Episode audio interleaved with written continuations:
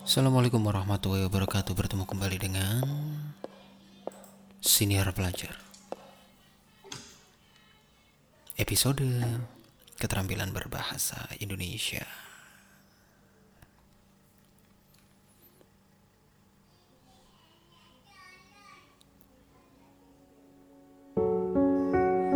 Teman-teman Bagaimana kabar teman-teman pekan ini? Semoga teman-teman dalam keadaan sehat walafiat ya Di tengah-tengah pandemi covid seperti ini Selalu ingat pesan ibu Untuk tetap menerapkan 3M Memakai masker, mencuci tangan, dan menjaga jarak. Kali ini teman-teman Saya ingin mengajak teman-teman untuk berdiskusi Tentang Keterampilan berbahasa yang paling tinggi Yaitu keterampilan menulis. Setelah kita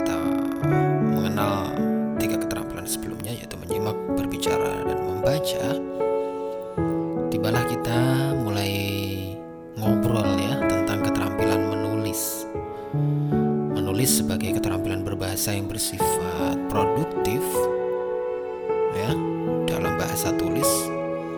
Juga sering kita sebut sebagai aktivitas komunikasi yang menggunakan bahasa sebagai medianya.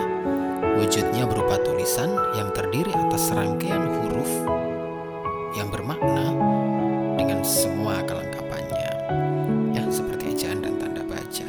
Menulis juga suatu proses penyampaian gagasan, teman-teman. Oleh karena itu, sebenarnya eh, hakikatnya sama dengan keterampilan berbicara ya.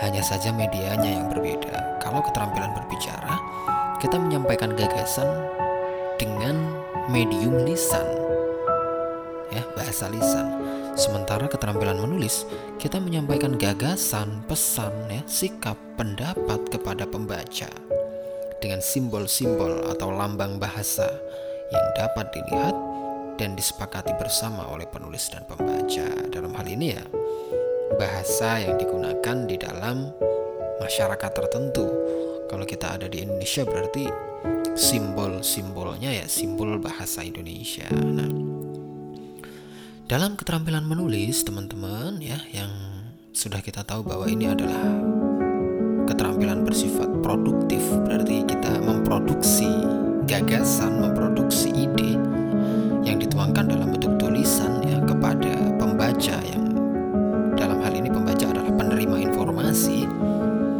Ada beberapa jenis tulisan yang sudah sering kali kita kenal dalam ilmu wacana atau ilmu tulisan, ilmu tulis menulis yang pertama adalah wacana atau tulisan dalam bentuk narasi, yakni karangan atau tulisan ya yang bersifat ekspositoris maupun imajinatif yang secara spesifik menyampaikan informasi tertentu berupa perbuatan atau tindakan berdasarkan rangkaian waktu. Jadi kalau narasi itu adalah tulisan yang disusun berdasarkan urutan waktu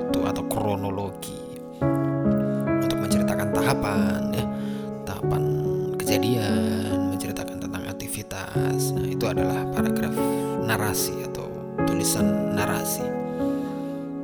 Selanjutnya ada juga yang disebut dengan paragraf deskripsi, yakni karangan atau tulisan yang secara spesifik menyampaikan informasi tentang situasi dan kondisi suatu lingkungan, kebendaan atau kemanusiaan.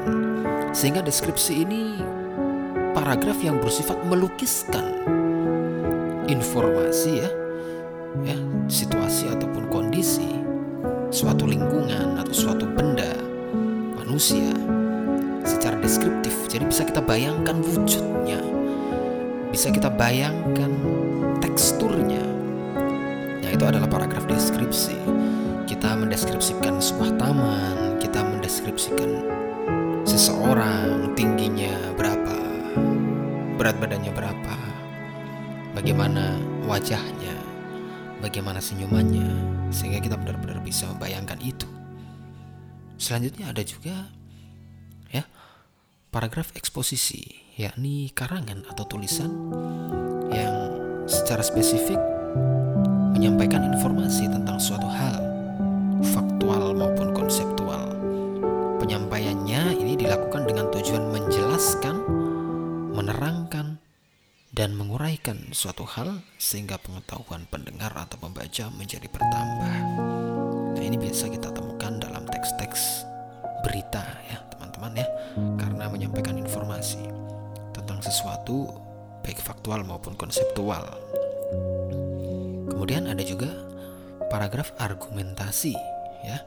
Ini adalah paragraf yang paling sering dan paling dekat dengan kita karena Mengapa disebut argumentasi? Karena isinya adalah argumen-argumen atau tulisan yang secara spesifik menyampaikan informasi tentang suatu hal baik faktual maupun konseptual dan penyampaiannya dilakukan dengan tujuan mempengaruhi, memperjelas dan meyakinkan yang ditunjukkan dalam bentuk pendapat-pendapat. Nah, itu argumentasi. Ya, perbedaannya adalah argumentasi dengan eksposisi adalah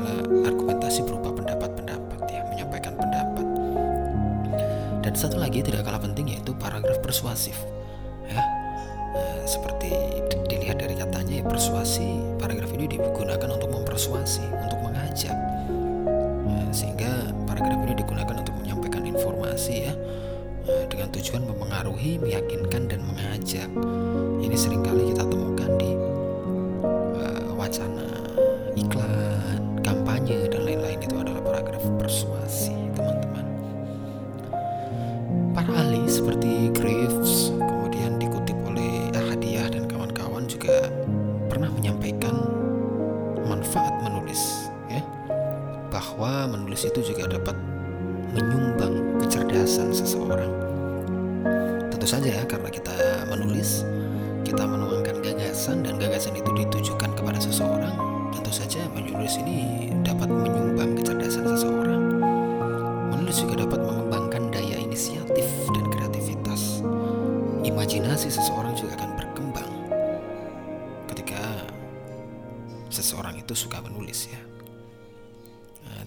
menulis karya sastra misalnya teman-teman di sini harus pelajar.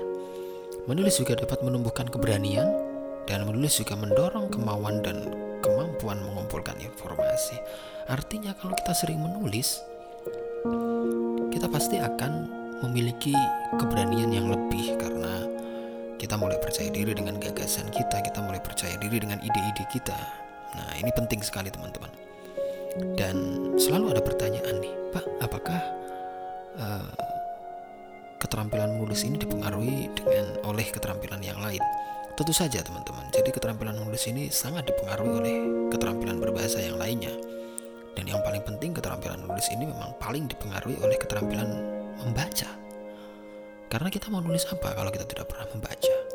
Hasil bacaan kita itulah yang sering kali kita tuangkan di dalam tulisan. Oleh karena itu, penulis yang baik pasti adalah pembaca yang baik. Ketika kita mau menulis, kita harus sering-sering membaca. Karena apa yang kita baca itulah yang akan mempengaruhi tulisan kita. Kualitas bacaan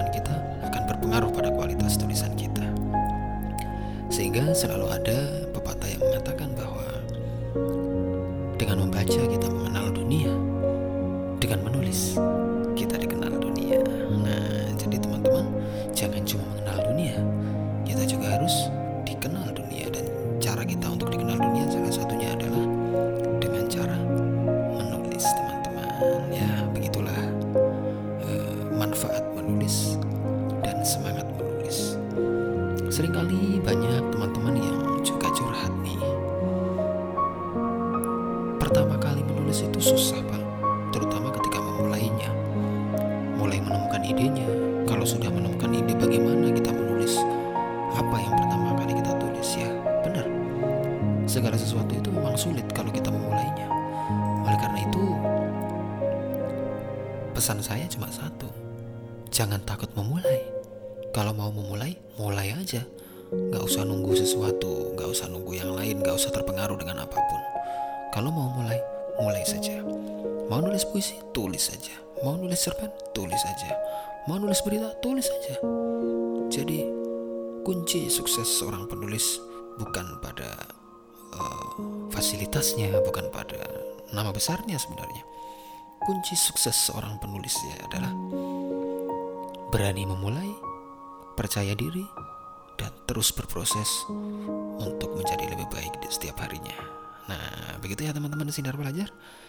Saya rasa diskusi pada episode hari ini, episode tentang keterampilan menulis, cukup. Kita akan lanjutkan pada diskusi-diskusi berikutnya di Siniar Pelajar. Tetap bersama Siniar Pelajar untuk berbagi segala informasi tentang bahasa, sastra, dan pengajarannya. Assalamualaikum warahmatullahi wabarakatuh.